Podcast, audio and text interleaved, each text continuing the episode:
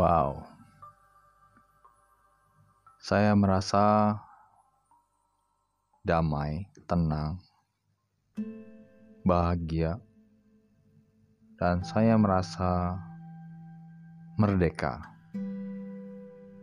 Ada suatu perasaan yang dilepaskan begitu saja ketika saya mendengarkan lagu yang diputar sebelumnya. Sebuah lagu yang saya sukai. Saya selalu putar di tempat di mana saya merasakan menjadi manusia merdeka. Ada suatu tempat yang letaknya di Padang Bay, di sebuah bukit. Saya selalu pergi ke sana saya mendaki ke bukit kecil itu. Di atas bukit, saya selalu memutar lagu yang barusan kita semua dengar,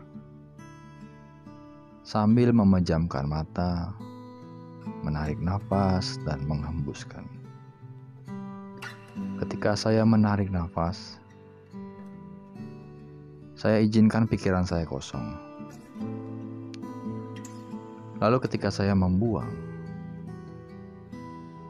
saya menarik energi dari sebuah kenangan peristiwa masa lalu yang saya izinkan hadir menemani saya. Di tempat itu tempat yang favorit untuk saya. Apalagi ketika saat ini. Hujan, cuaca sangat sejuk sekali, di mana tempat favorit ini adalah tempat di mana banyak pohon-pohon dan tumbuhan besar itu ada. Dan berdekatan dengan laut. Jadi ketika saya duduk dan bermain di tempat itu, aroma tanah yang basah dan tumbuh-tumbuhan yang basah terkena air hujan yang aromanya sangat nikmat sekali. Saya hirup dan saya simpan dalam kenangan jiwa saya. Saya senderkan tubuh saya ke pohon sambil berpikir, sambil melihat situasi, melihat binatang-binatang yang lewat melintas, semut-semut, burung, dan binatang lainnya membuat hidup saya semakin damai dan bahagia. Deru ombak membuat saya selalu berpikir bahwa kekuatan dalam hidup ini adalah sesuatu yang kita bisa hasilkan di dalam tubuh kita sendiri. Di tempat ini memang buat saya adalah tempat yang spesial. Saya sering menghabiskan waktu banyak di tempat ini. Untuk mempelajari diri saya sendiri, untuk healing kepada tubuh saya sendiri, dan menangkap energi dari sekitar. Dan di sebuah pantai, tidak jauh juga dari lokasi bukit ini, saya juga sering duduk di sana pada setiap hari Senin karena saya day off tidak mengambil sebuah aktivitas dalam sebuah pekerjaan pada hari Senin yang di mana hari Senin itu adalah me time buat saya. Di pantai ini namanya Bias Tugel. Saya juga sering datang kemari berjalan kaki di antara bebatu-batuan karang Lalu ada sebuah dahan pohon yang memang menjulang ke lautan. Jadi saya sering memanjat ke pohon dahan pohon itu, lalu hanya sekedar duduk dan mengikat tubuh saya di dahan pohon itu supaya saya tidak terpeleset jatuh. Lalu saya rebahan memasang sebuah earphone dan mendengarkan musik. Sambil saya merasakan pukulan ombak yang memukul batu karang di tepi laut. Dan angin, suasana, aroma, semuanya sangat membuat saya merasa bahagia. So, pada edisi podcast kali ini, saya ingin sedikit membahas tentang pendewasaan diri dalam mencari jati diri. Nah, seru juga ya kawan-kawan ya. Atau kawan-kawan pernah nggak sih merasa ketika kita tumbuh dewasa, kita mencari jati diri kita dalam hidup ini. Kita ingin mengenal siapa sih kita? Dan dalam poin-poin tertentu dalam pencarian jati diri ini, kita banyak sekali belajar sesuatu yang susah sekali kita lupakan. Dalam pendewasaan mencari jati diri, saya menemukan banyak cerita, banyak pengalaman, banyak ilmu, banyak juga pesakitan, banyak juga kebahagiaan. Ketika saya mengizinkan dulu belajar untuk mengenal diri saya lebih jauh lagi. Ada banyak cara ya ketika kita tumbuh dewasa dalam hidup ini. Kita tuh selalu lupa. Kita tumbuh dewasa. Kita tuh lupa bahwa dulu kita pernah mengalami sesuatu peristiwa yang berat dalam hidup kita.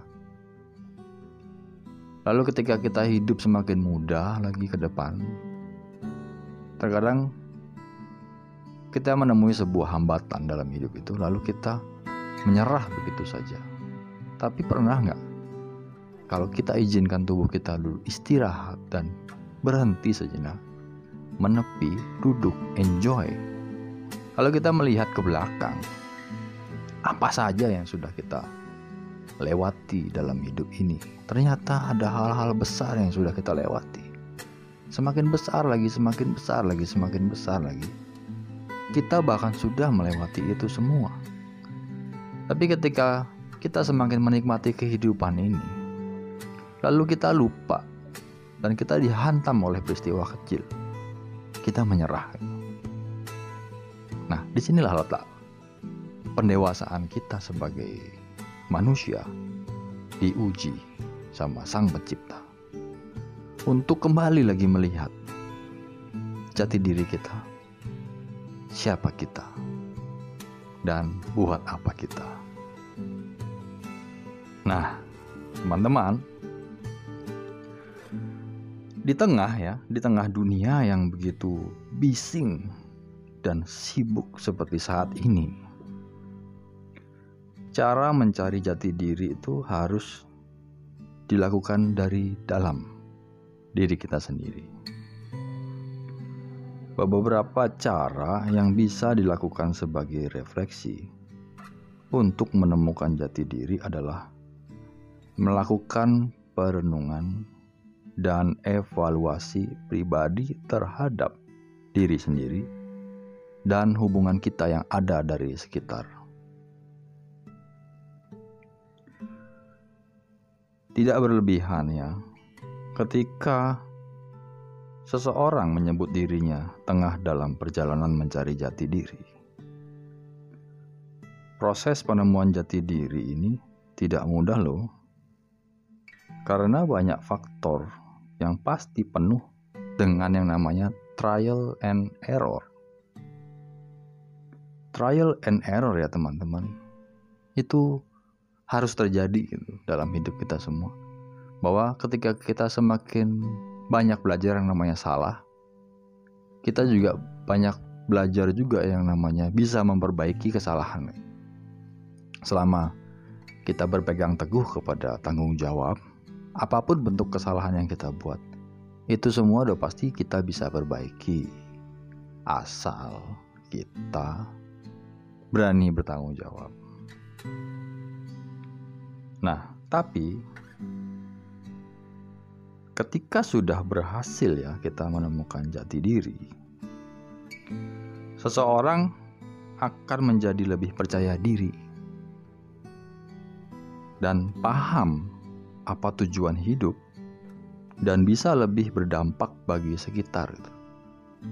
Jadi kalau kita memperbaiki lingkungan, kita mau memperbaiki keadaan dunia ini, perekonomian dunia Indonesia, daerah ataupun perekonomian pribadi dari keluarga.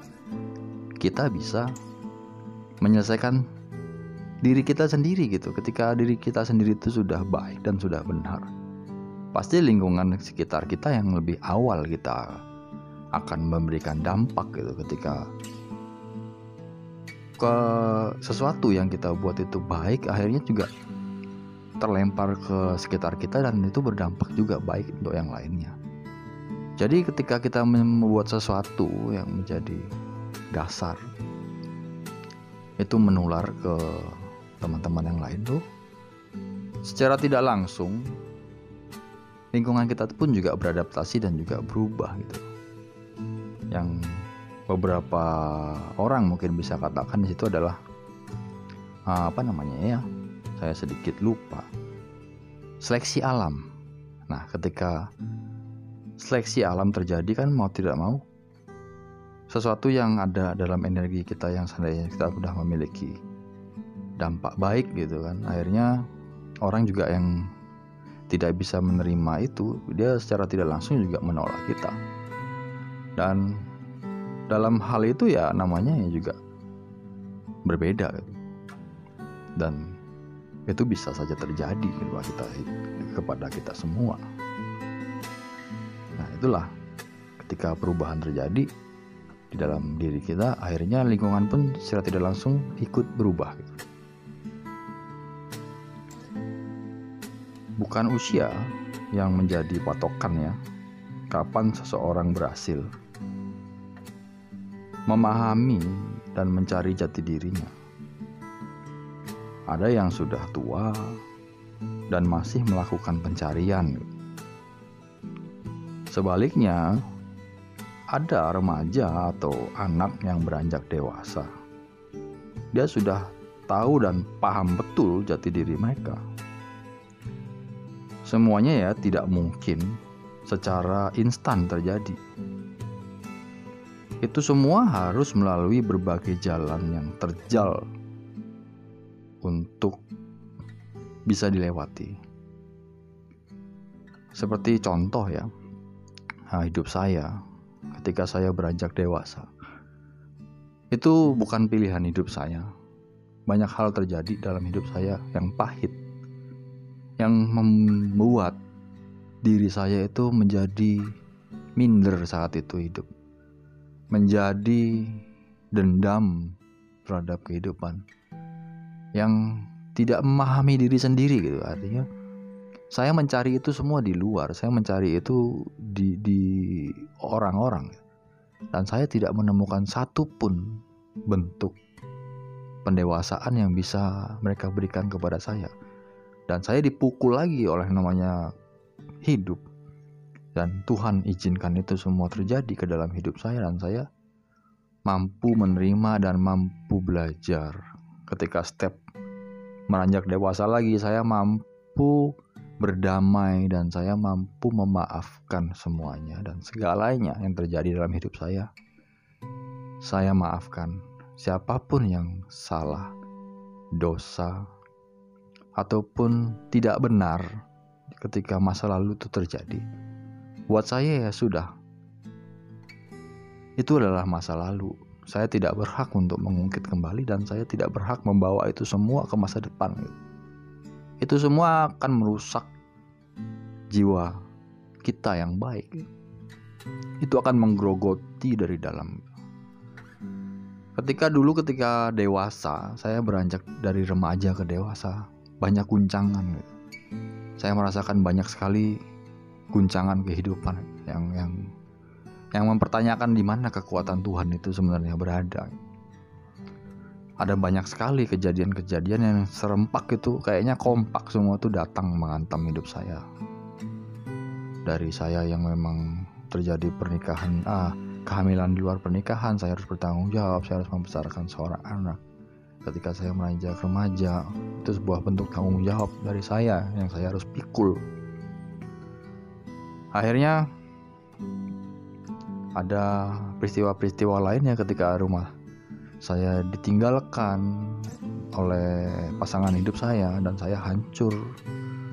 Saat itu saya hancur karena saya tidak tahu ke mana lagi. Akhirnya banyak-banyak sih peristiwa yang terjadi ya.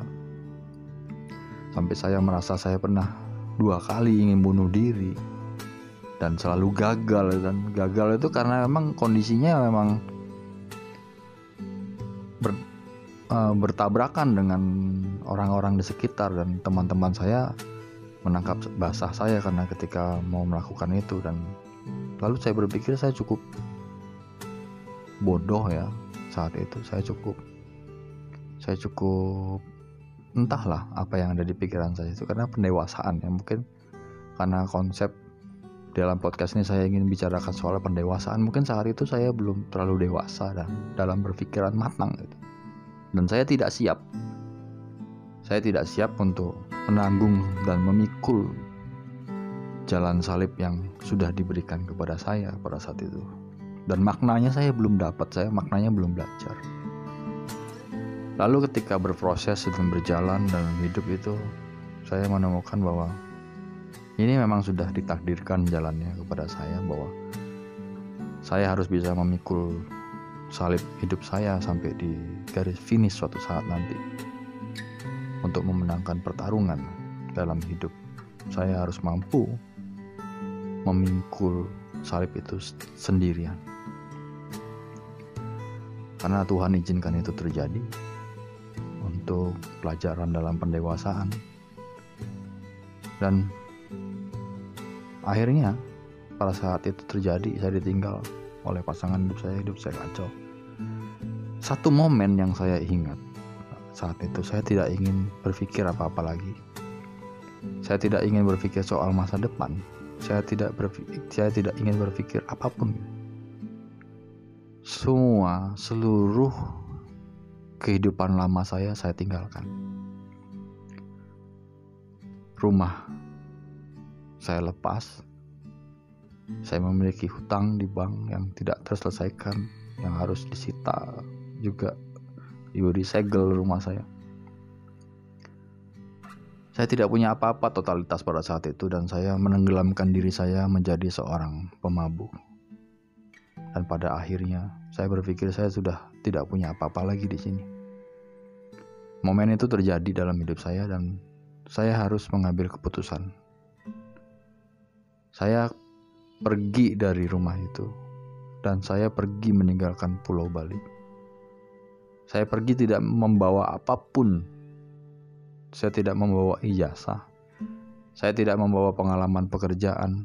Saya tidak membawa koneksi. Saya tidak membawa nama orang tua saya.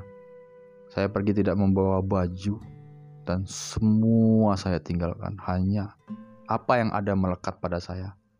Itulah yang saya bawa sampai perubahan itu terjadi. Saya pergi jauh, saya berjalan kaki seperti orang yang tidak punya tujuan hidup. Mungkin teman-teman yang waktu itu melihat saya dia katakan bahwa saya mungkin mau menjadi orang gila. Tapi tidak ada dari satu pun teman-teman saya pada saat itu melihat dan peduli sama saya. Tidak ada yang datang ke saya untuk memberikan pertolongan kalau mereka bilang itu saat itu saya adalah sahabat mereka. Sampai itu harus saya jalani. Akhirnya saya door to door saya membuat pergaulan yang baru. Meminta pertolongan sama orang-orang yang sama sekali tidak saya kenal. Saya meminta pekerjaan dari setiap tempat yang saya datangi satu persatu.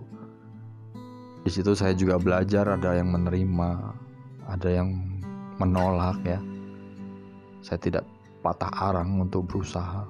Akhirnya saya menemukan satu orang yang percaya sama saya dan diberikan saya pekerjaan.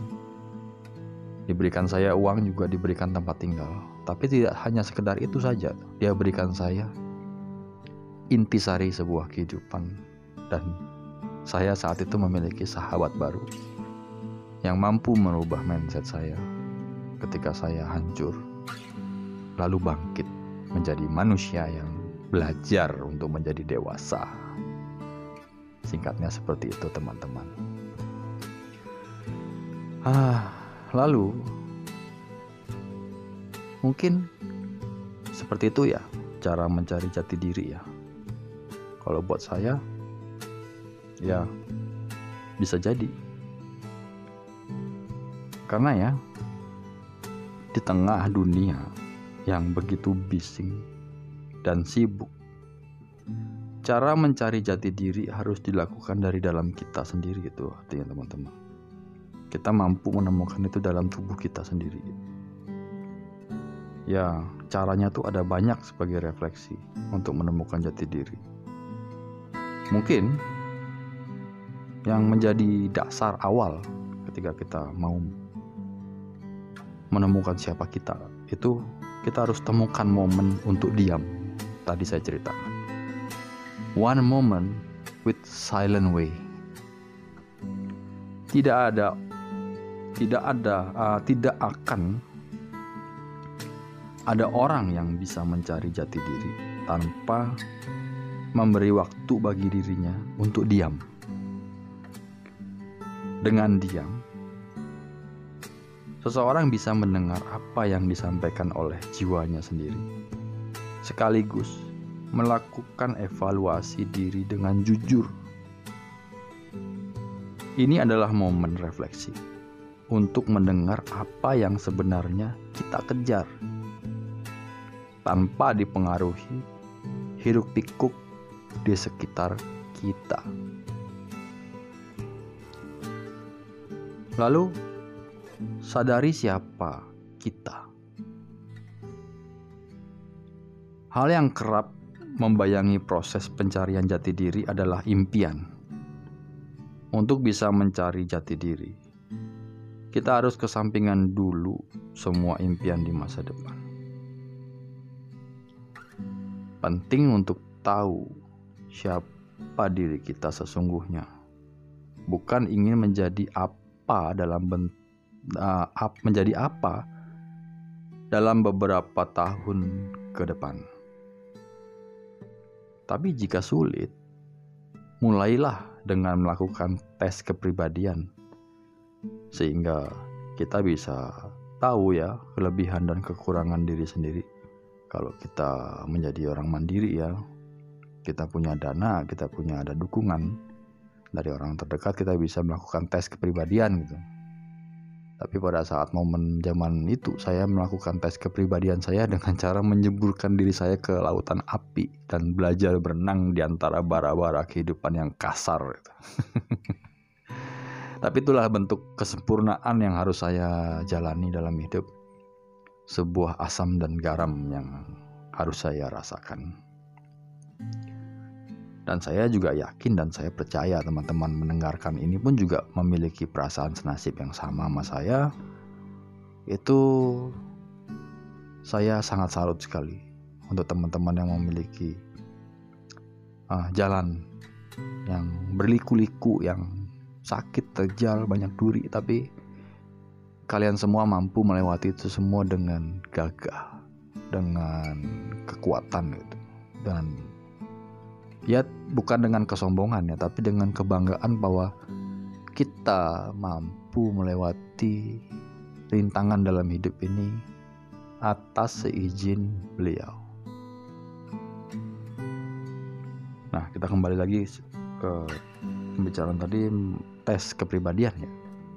Saya berbicara, mungkin itu bisa dilakukan buat teman-teman juga secara sendiri ya, tapi ya memang tes semacam ini ya tidak akan sempurna mengungkapkan semua aspek tentang diri karena ya kita tidak langsung terjun ke medan tempur. Tapi namun setidaknya kita bisa fokus pada apa yang bisa diperkuat sehingga bisa menjadi sosok yang berdampak gitu buat diri sendiri. Lalu temukanlah kelebihan dan kekurangan dalam diri kita. Kita tulis bisa kelebihan kita kita bisa tulis, kekurangan kita juga kita bisa tulis.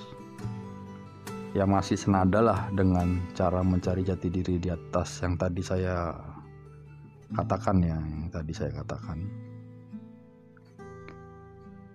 Itu kan mungkin adalah tahap yang paling sulit tapi coba temukan kekurangan dan kelebihan diri sendiri. Biasanya memang perlu waktu beberapa kali hingga benar-benar menemukan apa sih sebenarnya ability kita gitu. Ya ciri-cirinya ya adalah yang membuat kalian merasa bersemangat dan ingin melakukan lebih. Mungkin itulah tanda kekuatan yang bisa menjadi modal untuk menemukan jati diri. Lalu tanyakanlah pendapat orang lain terhadap hidup kita.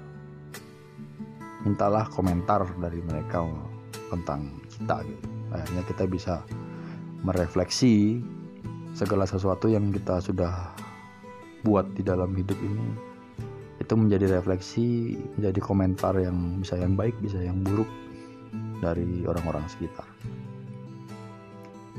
Itu kan kemampuannya menerima pendapat ya atau kita minta feedback dari mereka dari orang lain. Carilah satu teman atau atau orang yang bisa dipercaya untuk menyampaikan pendapat dengan jujur. Coba tanya apa yang perlu diperbaiki dan apa kekuatan yang bisa dikembangkan lebih baik lagi dari diri kita. Tahapan ini sangat penting dalam proses mencari jati diri, terutama ketika merasa jenuh hidup kita, tidak kunjung menemukan siapa diri ini sebenarnya. Terkadang orang-orang terdekat bisa membantu melihat hal yang diri kita sendiri tidak bisa temukan. Lalu refleksi dari hubungan. Salah satu aspek yang bisa membantu dalam proses mencari jati diri bisa dilihat dari hubungan yang tengah kita jalani. Bukan hubungan personal dengan pasangan hidup saja ya, teman-teman tapi juga hubungan dengan rekan kerja, atasan, teman bermain, dan lain-lainnya. Lewat refleksi ini, seseorang bisa paham betul sosok seperti apa dirinya di mata orang lain. Tidak hanya itu, itu bisa menjadi modal untuk menghadapi ketakutan terbesar hidup ini gitu dan kita mampu mengalahkannya dengan tujuan hidup yang lebih jelas lagi. Fokus pada kekuatan diri akan membantu menghasilkan dampak lebih besar bagi sekitar hidup kita. And then we back to the memahami masa lalu. Untuk bisa mencari jati diri, seseorang harus memahami masa lalu yang kita alami. Cobalah berani untuk melakukan eksplorita, uh, explore masa lalu. Ini adalah batu pijakan untuk memahami bagaimana terbentuknya sosok diri kita seperti saat ini. Bisa jadi trauma masa lalu menghalangi proses penemuan jati diri kita. Ini berhubungan juga dengan situasi apakah seseorang memiliki trouble trouble inner child atau tidak di masa lalu. Tanpa disadari, trouble inner child yang akan membentuk perilaku seseorang di masa kini hingga masa depan berdamai dengan masa lalu bisa menjadi cara untuk melihat dan menguak sisi diri yang selama ini masih terkungkung trauma dari masa silam. Proses pencarian jati diri tidak akan berjalan dengan mulus. Perlu beberapa tahap untuk bisa mengenali diri sendiri mulai dari berdamai dengan masa lalu hingga bertanya kepada orang terdekat tentang gambaran diri sendiri. Setelah menemukan jati diri, seseorang bisa memaksimalkan apa yang bisa dilakukannya, bukan hanya untuk diri sendiri, tapi juga untuk simbol kedamaian dunia. Nah, teman-teman, ketika kita mengambil bentuk tanggung jawab dalam hidup, selalu aja ada fase-fase di mana kita sebenarnya stuck gitu. Kita diam, diam untuk melihat sekitar dan merefleksikan kembali ke tubuh kita dan ke cermin. Apa yang kita lihat itu adalah siapa kita gitu. Dan siapa kita itu kan juga dalam bahasa kerja itu kan adalah investasi cermin kita itu adalah investasi buat saya investasi yang bisa orang lihat. Kalau kita mudah tersenyum kita juga ulas asih bahkan bukan manusia saja yang bisa menangkap kekuatan itu tanam-tanaman pun juga bisa merasakan kecintaan kita burung-burung lalu hewan-hewan itu bisa menjadi sangat dekat dengan kita. Nah, tadi kita membicarakan sedikit tentang bagaimana proses pengenalan jati diri ya, tapi ketika kita semakin dewasa lagi ya, kita semakin bertumbuh yang saya pelajari itu. Dulu ada satu seseorang yang mengatakan kepada saya, Christian, kamu tuh harus siap untuk masa depan. Kamu harus mempersiapkan masa depan dari saat ini. Kamu harus rajin bekerja, kamu harus rajin menabung, kamu harus rajin berteman dan berkawan dan dan banyak lainnya dia sampaikan kepada saya bahwa Si orang ini mengatakan kepada saya bahwa fase-fase kehidupan ketika kamu berumur segini, segini, segini, segini, kamu harus melakukan ini. Lalu dengan umur segini, segini, segini, kamu tuh harus begini gitu. Jika tidak, nothing happen, ya is okay. Tapi kebanyakan mostly sesuatu terjadi ketika kita memasuki fase berusia 40, berusia kepala 4. Apa yang sudah kamu lakukan 40 tahun belakangan sejak kita dilahirkan itu akan menjadi bias kembali lagi ke ke citra diri kita. Bisa menjadi ketakutan juga bisa menjadi kecemasan juga. Itu bisa menggerogoti diri kita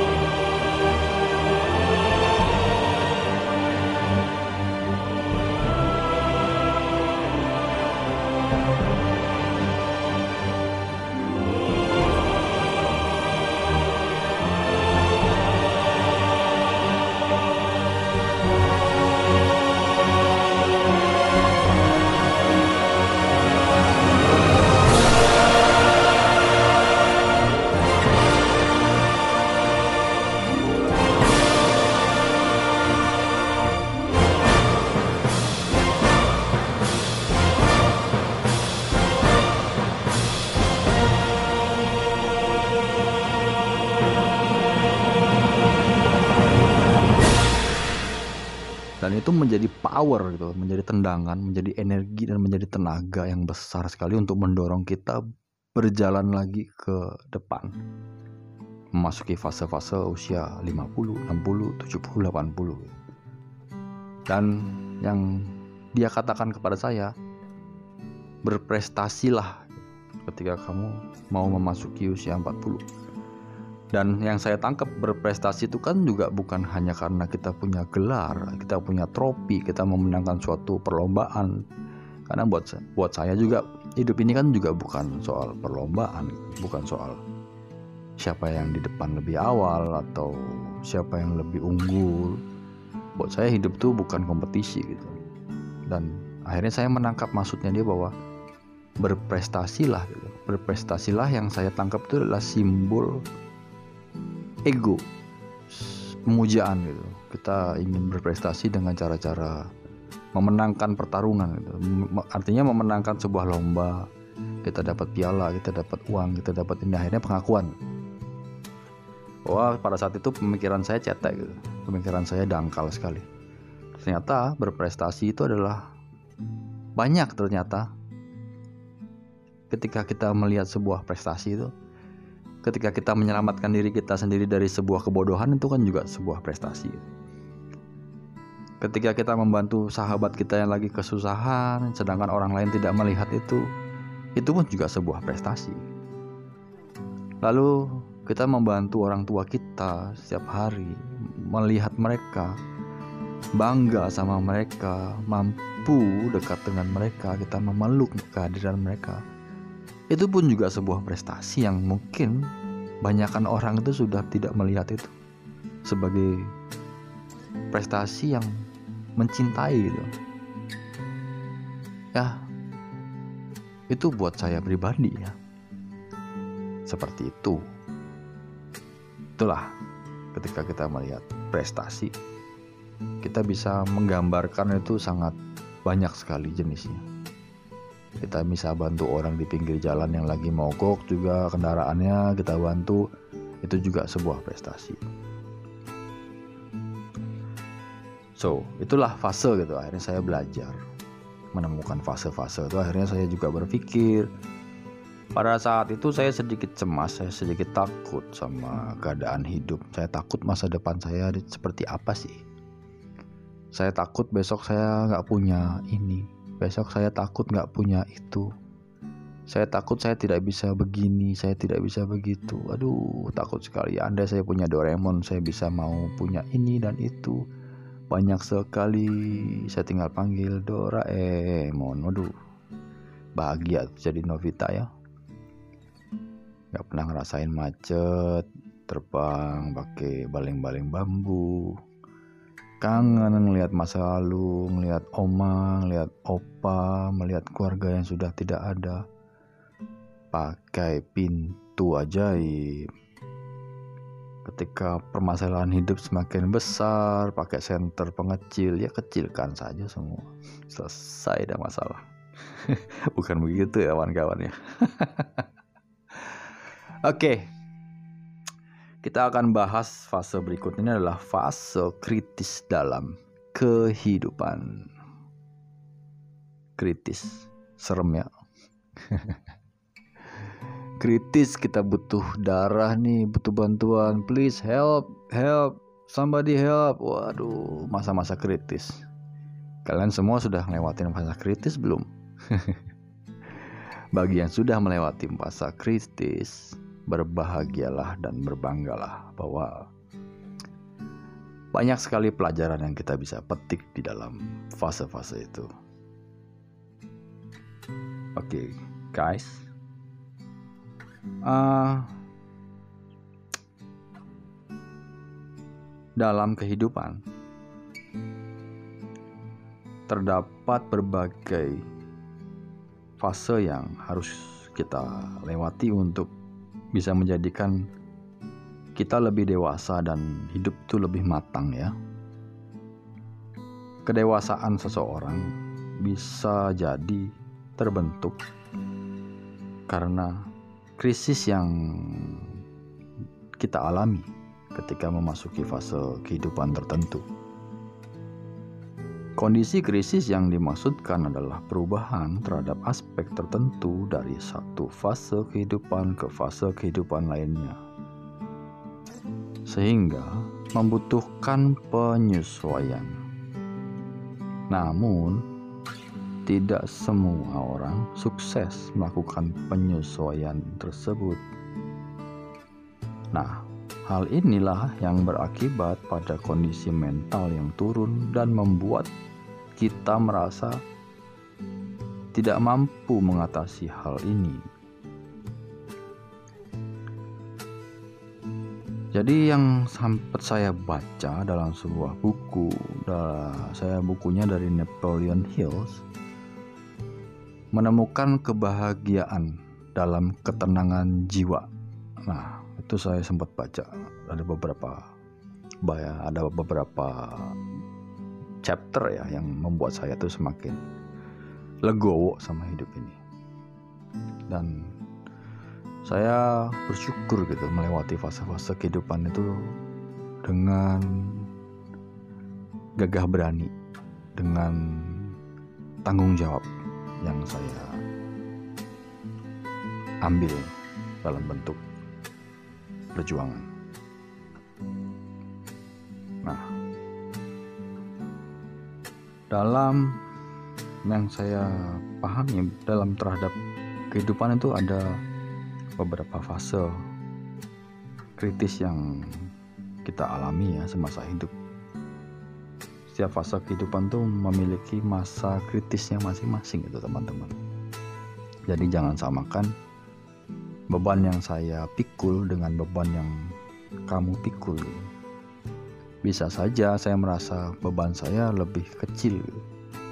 Ketika saya melihat beban kalian besar, kalian merasa bahwa optimis melihat suatu pesan fase kehidupan tuh kita pingkul dengan dengan kayak nggak ada beban aja gitu guys.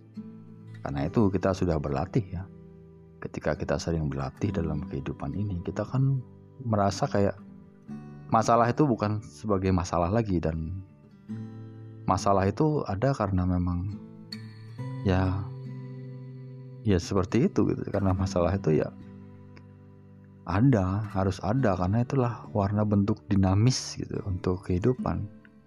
Dan ketika kita sudah terbiasa mengalami masalah kita fine fine aja gitu. Nggak merasa beban nggak merasa berat gitu. nah fase yang saya pelajari dalam hidup yang paling keren ya itu kan ada dari usia 13 tahun ya. Tapi 13 tahun itu sebagai startup. 13 tahun itu belum berani mengambil keputusan yang yang berat. Tapi kalau pengalaman pribadi saya kan dari usia di atas lima tahun saya sudah hidup di panti asuhan dan Nah, saya sudah mengalami gejolak kehidupan banyak fasenya, tapi ya pendewasaannya berbeda-beda. Tapi yang ingin saya katakan secara normal garisnya, ah, fase-fase itu ada juga di ketika memasuki usia 18 tahun. Nah, di usia 18 tahun itu kan di usia ini menjadi ujung dari masa SMA kalau di era saya kan SMA ya. Karena kan sekarang penyebutan sekolah itu sudah berubah. Ada kelas nah, kelas 7, kelas 8, kelas 9, kelas 10 nah, waktu itu ya 18 tahun itu di ujung masa SMA di mana ya semasa SMA seseorang akan merasa lebih leluasa untuk bermain dan mencari jati diri di samping kewajibannya menjalankan tugas sebagai seorang pelajar.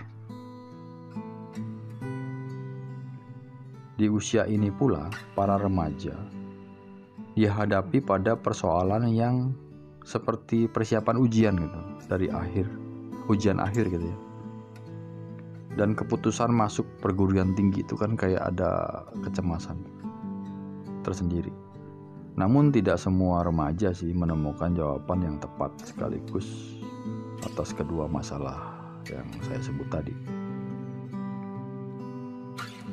Kita bisa memilih gap year antara lulus dari SMA atau masuk ke perguruan tinggi sebagai solusi dari kondisi. Nah, inilah fase kehidupan yang harus kita jalani pada usia 18 tahun buat adik-adik. Supaya adik-adik mempersiapkan jalannya ke depan.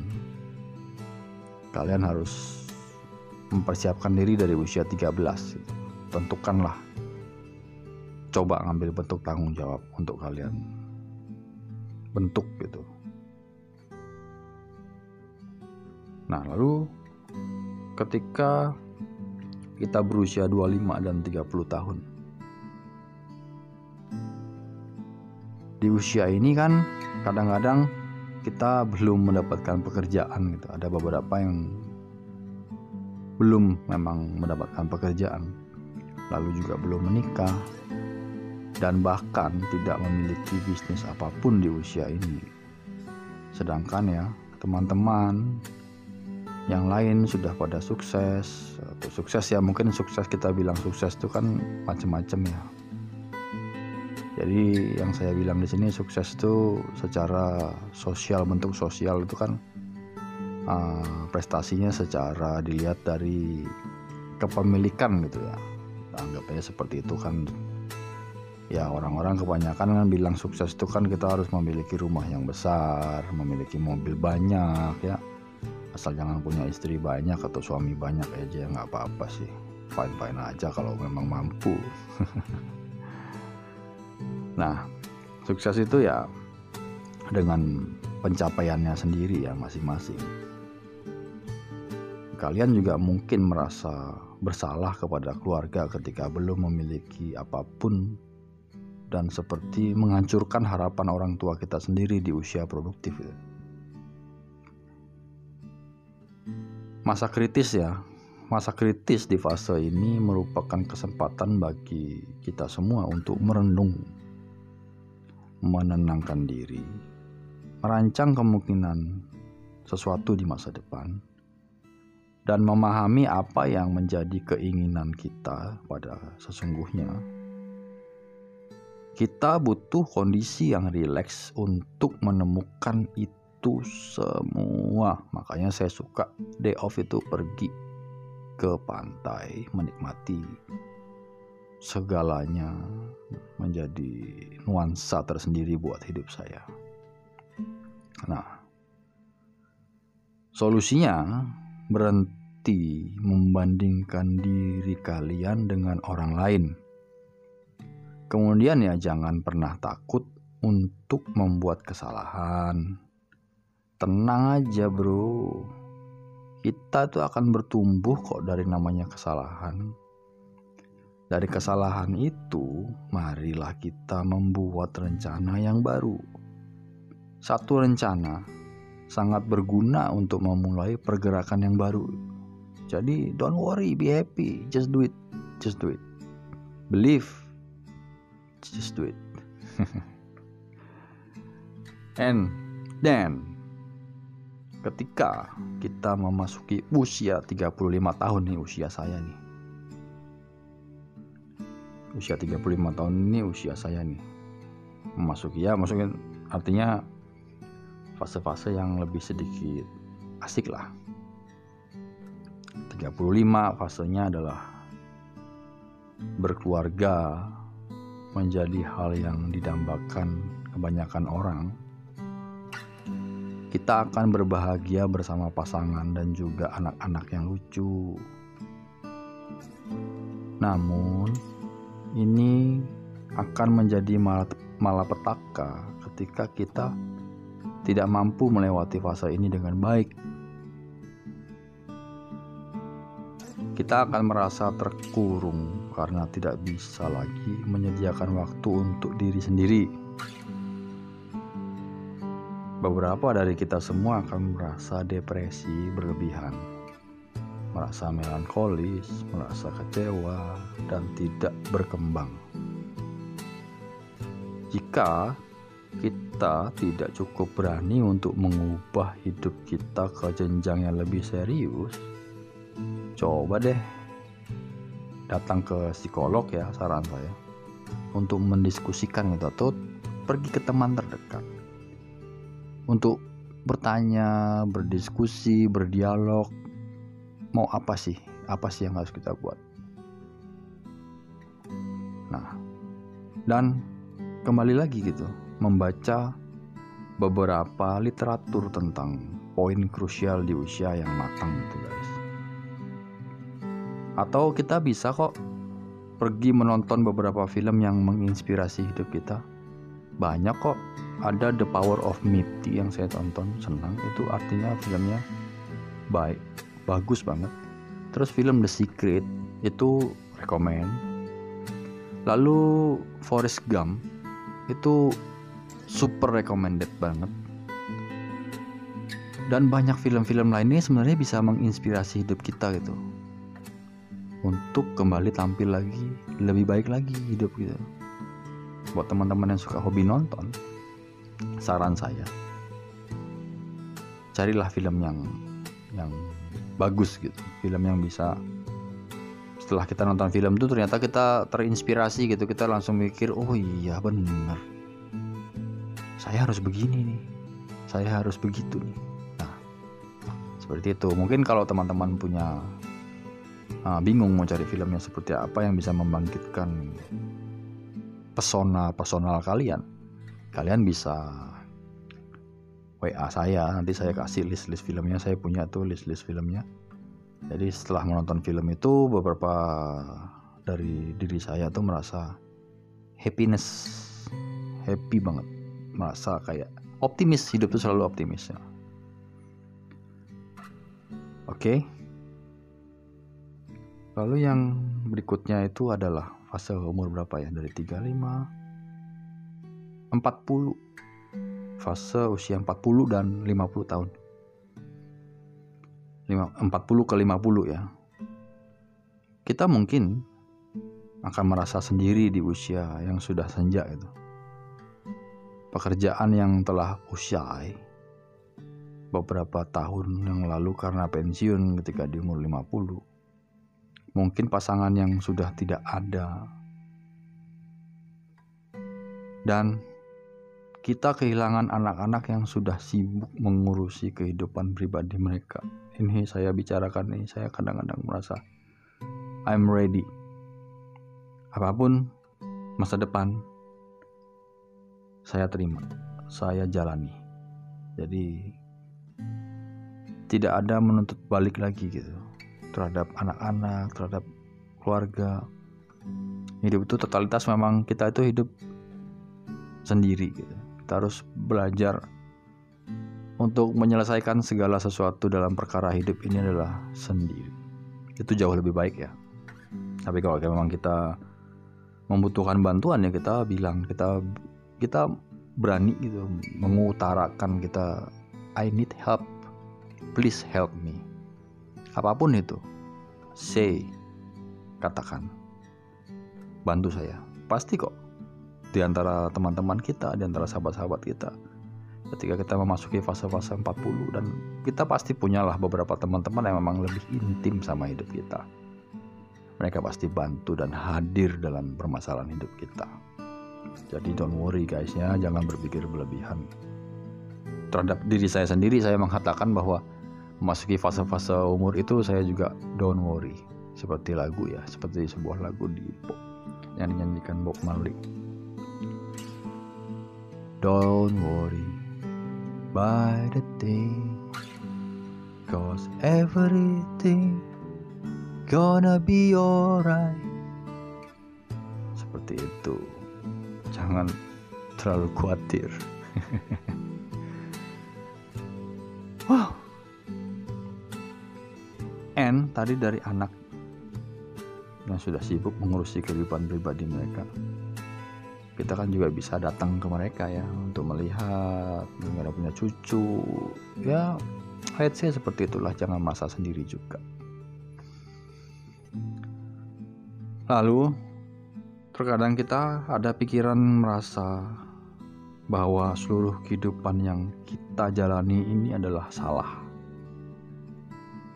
Dan kita membuat kesalahan yang lupa kita sendiri perbaiki gitu Kita pun tidak berani melihat ke masa depan karena takut akan kematian dan merasa pesimis akan kehidupan kita sendiri.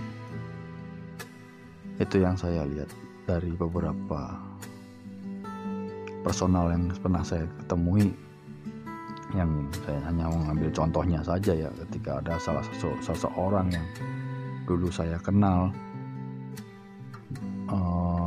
beliau berusia 55 tahun lah let's say ya. Ketika mau di rumah sakit dan takut yang namanya dengan kematian dia sampai berteriak-teriak sendiri. Ngamuk-ngamuk dia mengucapkan sumpah serapah dan hal-hal lainnya. Dan tidak ada satupun keluarga yang datang menemui dia gitu. tidak ada. Jadi teman-teman aja yang memang membantu segala sesuatunya yang dia butuhkan. Sampai pada akhirnya beliau hilang nyawanya dalam kehidupan ini. Karena takut sama kematian. Dia berteriak-berteriak karena dia takut dengan namanya kematian. Dia tidak siap. Sampai beberapa suntikan dari dokter untuk menenangkan tubuhnya meronta-ronta ya dia butuh dosis yang lebih besar sampai dia siap. Ketika dia sudah bangun lagi dia berteriak-teriak lagi. Dia memaki-maki lagi. Dan ada fase di mana ya dia memang benar-benar meninggal. Di situ saya memetik sebuah arti dari kehidupan bahwa kekuatan terbesar dalam hidup ini adalah kita mampu menerima accept menerima kekuatan menerima apa pun itu. Legowo wes kita lega, kita menerima, kita panjang umur, kita menerima kita begini, hasilnya begitu, kita menerima begitu, hasilnya begini, gitu. Semua dimulai dari menerima gitu. Saya akhirnya berpikir saya mengelus dada saya bahwa aduh, saya harus mempersiapkan lah ilmu ikhlas menerima ini. Ini ilmu kesaktian, ilmu ilmu yang sakti yang orang bisa pelajari semuanya ikhlas, kita punya tawakal, lalu menerima apa adanya diri kita sendiri, lingkungan hidup, keluarga. Ya udah, ketika kita menerima, kita mampu menjadi sesuatu yang mungkin kita sendiri tidak sadari bahwa something special born karena kita menerima kekurangan kita gitu. Lalu ya ketika takut untuk melihat kematian dan merasa pesimis akan kehidupan kita. Perlahan kita harus membuang pikiran negatif tentang hidup kita terutama di usia senja. Ih, gue ngomong gini kayak tua ya. Tapi ya saya belajar sama orang yang berpengalaman yang sudah umurnya di atas jauh di atas saya. Beliau ini memberikan saya insight tentang kehidupan, sebuah kunci yang harus saya buat. Yang kita semua akan lewati fasenya ini sebagai bentuk pendewasaan gitu terhadap kehidupan. Ya, satu itu kita membuang rasa pesimis dan negatif ya tentang hidup kita. Jadi terutama di usia senja tadi Lalu mulailah membuat rencana untuk melakukan hal-hal yang bernilai penting. Contohnya ya seperti membaca buku, merawat tanaman. Itu akan membuat perhatian kita teralihkan karena memiliki kesibukan. Nah, dalam bentuk-bentuk seperti itu ya, kita bisa menemukan uh, sesuatu itu jadi bukan untuk ditakuti teman-teman. Bukan untuk juga di di dilewati begitu saja gitu. bahwa dalam kehidupan itu kita punya fase yang harus kita nikmati perjalanannya. Enjoy the show.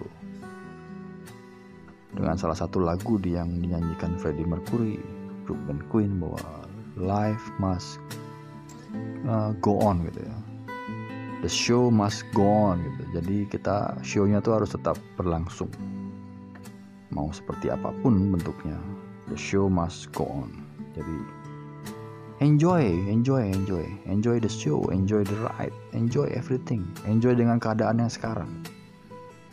Enjoy dengan apa pun yang ada di sekitar kita kita harus enjoy. Kalau kita enjoy kita bisa melihat hal-hal terkecil itu adalah hal-hal yang besar gitu. Seperti di quote hidup saya bahwa being small in small place you will see yourself bigger than anything ya oke okay. lalu fase-fase seperti itu ya kita mampulah melihat keadaannya Artinya setiap keadaan orang tuh berbeda-beda. Keadaan orang penerimaannya juga ya pasti berbeda-beda. Tapi tujuannya sama.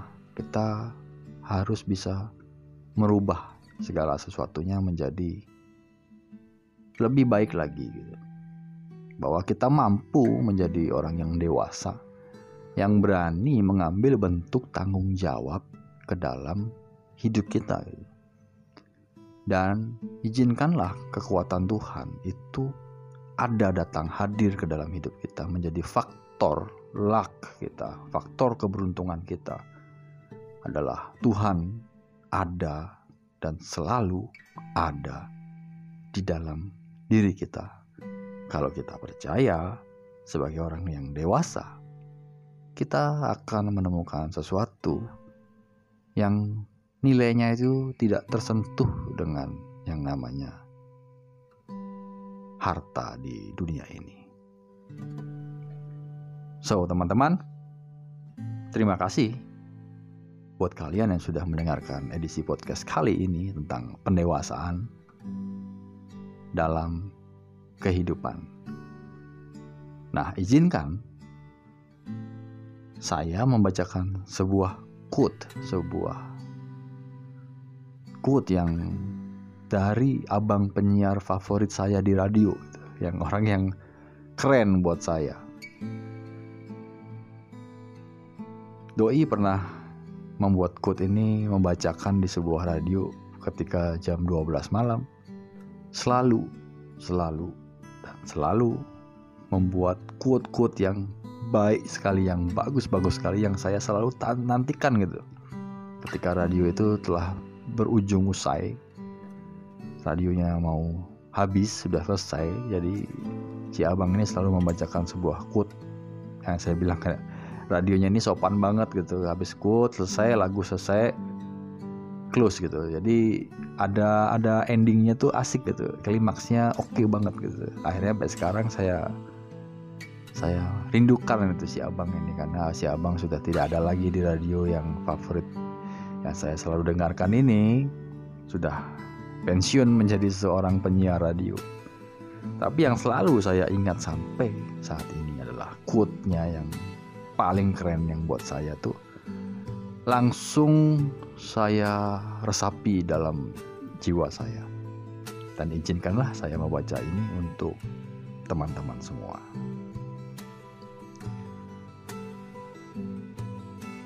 Tetaplah menjadi orang baik. Jika beruntung, kamu akan menemukan orang baik, dan jika tidak beruntung, kamu akan ditemukan oleh orang baik. Dari Bang Yosef Victorio, penyiar keren gua. Hes, thank you Bang ya sebuah quote yang menginspirasi saya yang langsung membuat saya itu bersemangat gitu tetap menjadi orang baik aja hidup itu tanpa embel-embel lainnya dari situ saya belajar kebaikan yang ikhlas adalah kebaikan yang mampu menerima segala sesuatu dari luar keadaan kita datang ke dalam hidup kita dan menjadi sesuatu yang andil memiliki andil terhadap pendewasaan kita. Jangan abaikan masalah yang datang ke hidup kita karena masalah itu adalah ujian dan jawaban juga yang akan kita ambil untuk menjadi dewasa. Terima kasih teman-teman. Terima kasih karena kalian sudah mendengarkan dan mendukung podcast Bincang Ngopi sampai saat ini. Saya mau pamit undur diri. Sampai jumpa pada edisi podcast berikutnya. Tetap bersama saya, Christian Bagus Anggoro, sebagai sahabat ngopi kalian. See you, God bless, dan sampai jumpa. I've seen things you people wouldn't believe. Attack ships on fire off the shore of Orion. I watched sea beams glitter in the dark near Ten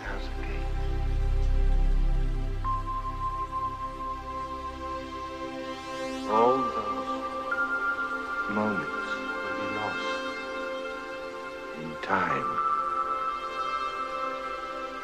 Like tears